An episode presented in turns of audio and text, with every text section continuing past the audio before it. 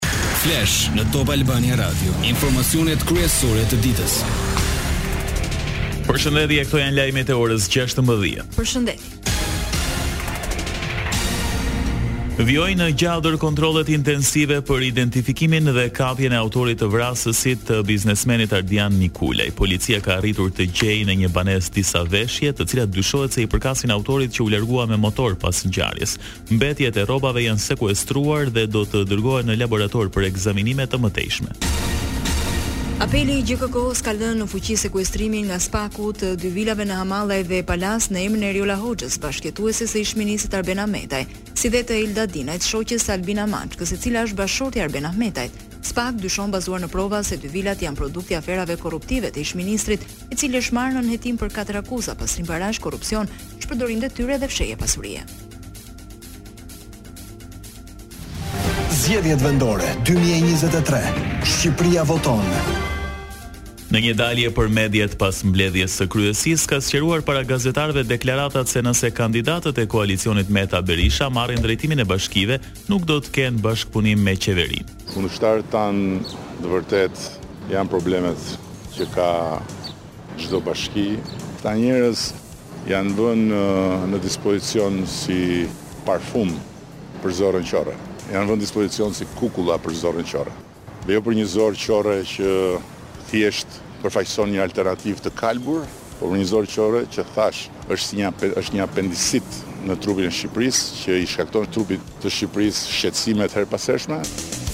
Për mos bashkëpunimin, kryeministri Rama dha argumenta.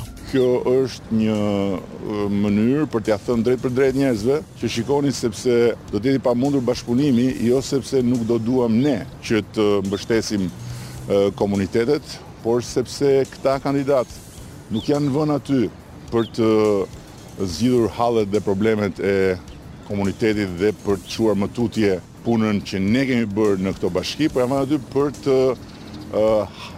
krijuar oaze të luftës politike, për të ngritur barrikada me qeverinë qendrore dhe për t'i trajtuar bashkitë Si pengje lufte. Rama tha se nuk do lejojnë që të merren peng bashkitë. Do ta bëjmë tonën siç e kemi bërë për shembull për Shkodrën, ku e kemi pasur zero bashkëpunimin me bashkinë, jo për faktin se ne nuk kemi dashur të kemi bashkëpunim në gjithë këto vite, por për arsye se ka dhe një element tjetër që kandidatët e këtyre forcave i përkasin një familje, po themi, të shthurur politike, e cila kurrë nuk ka pasur aftësinë të drejtojë në funksion të njerëzve. Kryeministri Rama u nis drejt Britanisë për të finalizuar marrëveshjen për Akademinë e Futbollit në Durrës, për të cilën do vihet në dispozicion terrene sportive pranë Universitetit Aleksandër Moisiu. Mësohet se marrëveshja do bëhet me ekipin anglez Manchester United. Rama do jetë i shoqëruar nga ministrja e Arsimit dhe Sportit Evis Kushi dhe kryebashkiakja e Durrësit, Emiriana Sako.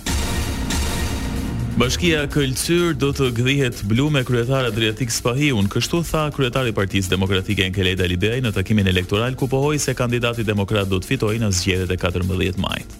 Këta të tre, duke filluar nga Rama, halli më i madh që kanë është cili ministër po më shkon në burg këtë javë. I ka nja dy ministra në burg, i ka edhe nja dy deputetë në burg. Të njëjtin hall E ka dhe Sali Berisha. E të njëjtin hall e ka dhe Ilir Meta. Kjo është çështje e drejtësisë le të merret drejtësia e të merret një orë më parë. Shqiptarët duan një ofertë të tyre të ndershme. Sërish Alibeaj foli për Sali Berishën, të cilin e akuzon se sulmoi Partinë Demokratike me qëllimin për ta dëmtuar. I thashë kandidatëve të Foltores, mos shkoni tek LSI-ja, mos shkoni tek partia e majtë. Mos shkoni tek një pazarxhi politik si Ilir Meta. Hajdeni në shpinë tuaj. Hajdeni te kjo sigël. Jo vetëm e refuzuan, por shkuan dhe u bënë një me Ilir Metën. S'mund ta lëmë ne që Partia Demokratike të shndërrohet në një bunker anti-amerikan për hallin personal të Sali Berishës. Kandidati i Partisë Socialiste për Tiranën, Erion Veliaj u takua me banorët e njësisë numër shtatë në kryeqytet. Veliaj u ndal te kundërshtari i tij për kryeqytetin. Disa prej tyre nxjerrin edhe gishtin e mesit kur kërkojnë të votohen nga populli me gishtin e mesit. Turp i madh. Prandaj ka të drejtë Etilda, duhet diploma e gjimnazit dhe prandaj quhet Diploma e maturës, e pjekjes. Se një njeri i pjekur në dy mijë e njëzet e tre nuk nxjerr gishtin e mesit për të kërkuar vota. Problemi më i madh është që ata janë sapun dhe detergjent për fytyrën që nuk lahet dot e Saliut dhe e Ilirit. Më katërmbëdhjetë maj, tha Veliaj, qytetarët duhet të zgjedhin Partinë Socialiste për të shkuar përpara. Ne një kalamaj që nxjerr gishtin e mesit e nxjerrim nga klasa dhe një kalamaj që nuk vjen katër minuta merr mungesë. Në datë katërmbëdhjetë maj ne braktisim ata që na çuan mbrapa Dhe ne ecim vetëm përpara, vetëm përpara. Aleancën e çiftit Berisha-Meta, kandidati i PS-së e cilësoi si sindromën e Stokholmit, një histori dashurie me dhunuesin. Saliu nuk ka ngelur vetëm në këtë hall. Nuk është vetëm ai non grata, ka edhe një shok të vet, Ilir Metën. Ilir Metën që deri dje e fuste në burg, deri dje sabotonte çdo qeveri, ka rrëzuar gjithë qeveritë e Partisë Demokratike. Po Saliu ka sindromën e Stokholmit, ka rënë në dashuri me atë që e dhunonte, ka rënë në dashuri me atë që e ka dhunuar më shumë, atë dhe të birin. Se ju kujtohet Ilir Meta tha e dhashë një herë dorëheqjen për Zenin tha unë s'do jap dorëheqjen tërë kohën. Pra njeriu që ka degjeneruar më shumë Saliun dhe Zenin dhe gjithë Partinë Demokratike është sot aleati i tij. Ish-kryeministri Sali Berisha reagoi për posterin elektoral të kandidatit për Bashkinë e Tiranës Belind Këlliçi ku shfaqet duke drejtuar gishtat e mesit. Ata që vjedhin qytetarët meritojnë jo gishtin, por shumë herë më tepër, u shpreh Berisha. Ata që vjedhin qytetarët Ata meritojnë jo gishtin, jo gishtin, por shumë herë më tepër. Ata meritojnë çdo formë diskreditimi. Ata që vjedhin qytetarët dhe mbrohen nga Edi Rama dhe drejtësia e tij, atë e kanë pak. Po të isha unë, heh, ku e di ti ç'mund t'u nxirrja unë atyre. Ajo më duket pak mua, biles. Të them të vërtetën. Berisha përmend rastet kur kryeministri Edi Rama ka përdorur fjalor të papërshtatshëm në parlament.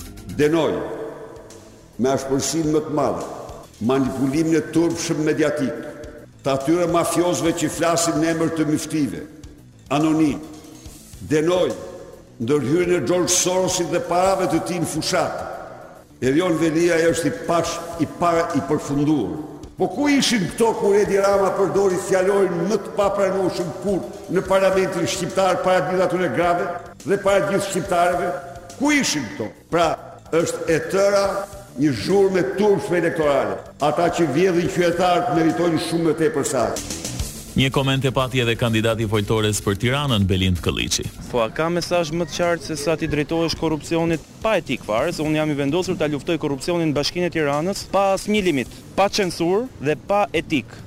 Ishte kjo një mënyrë e drejtpërdrejtë për të dhënë një mesazh, që mbase shpeshherë duhen metoda të tilla për të thyer edhe tabu, për të dhënë një mesazh të qartë që unë jam shumë i vërtetë kur them që unë e kam seriozisht luftën ndaj korrupsionit dhe unë do ta luftoj korrupsionin. Unë në këtë betejë jam për një model ndryshe dhe modeli ndryshe po sjell. Ju garantoj, ju garantoj, nuk do vjedh. Kjo është A-ja dhe Zh-ja e programit tim në luftën kundër korrupsionit. Lajme nga rajoni. Presidentja e Kosovës, Vjosa Osmani kërkoi nga Bashkimi Evropian dhe aleatët e tjerë të Kosovës që t'i bëjnë presion Serbisë që të respektojë obligimet nga Marrëveshja drejt normalizimit të raporteve.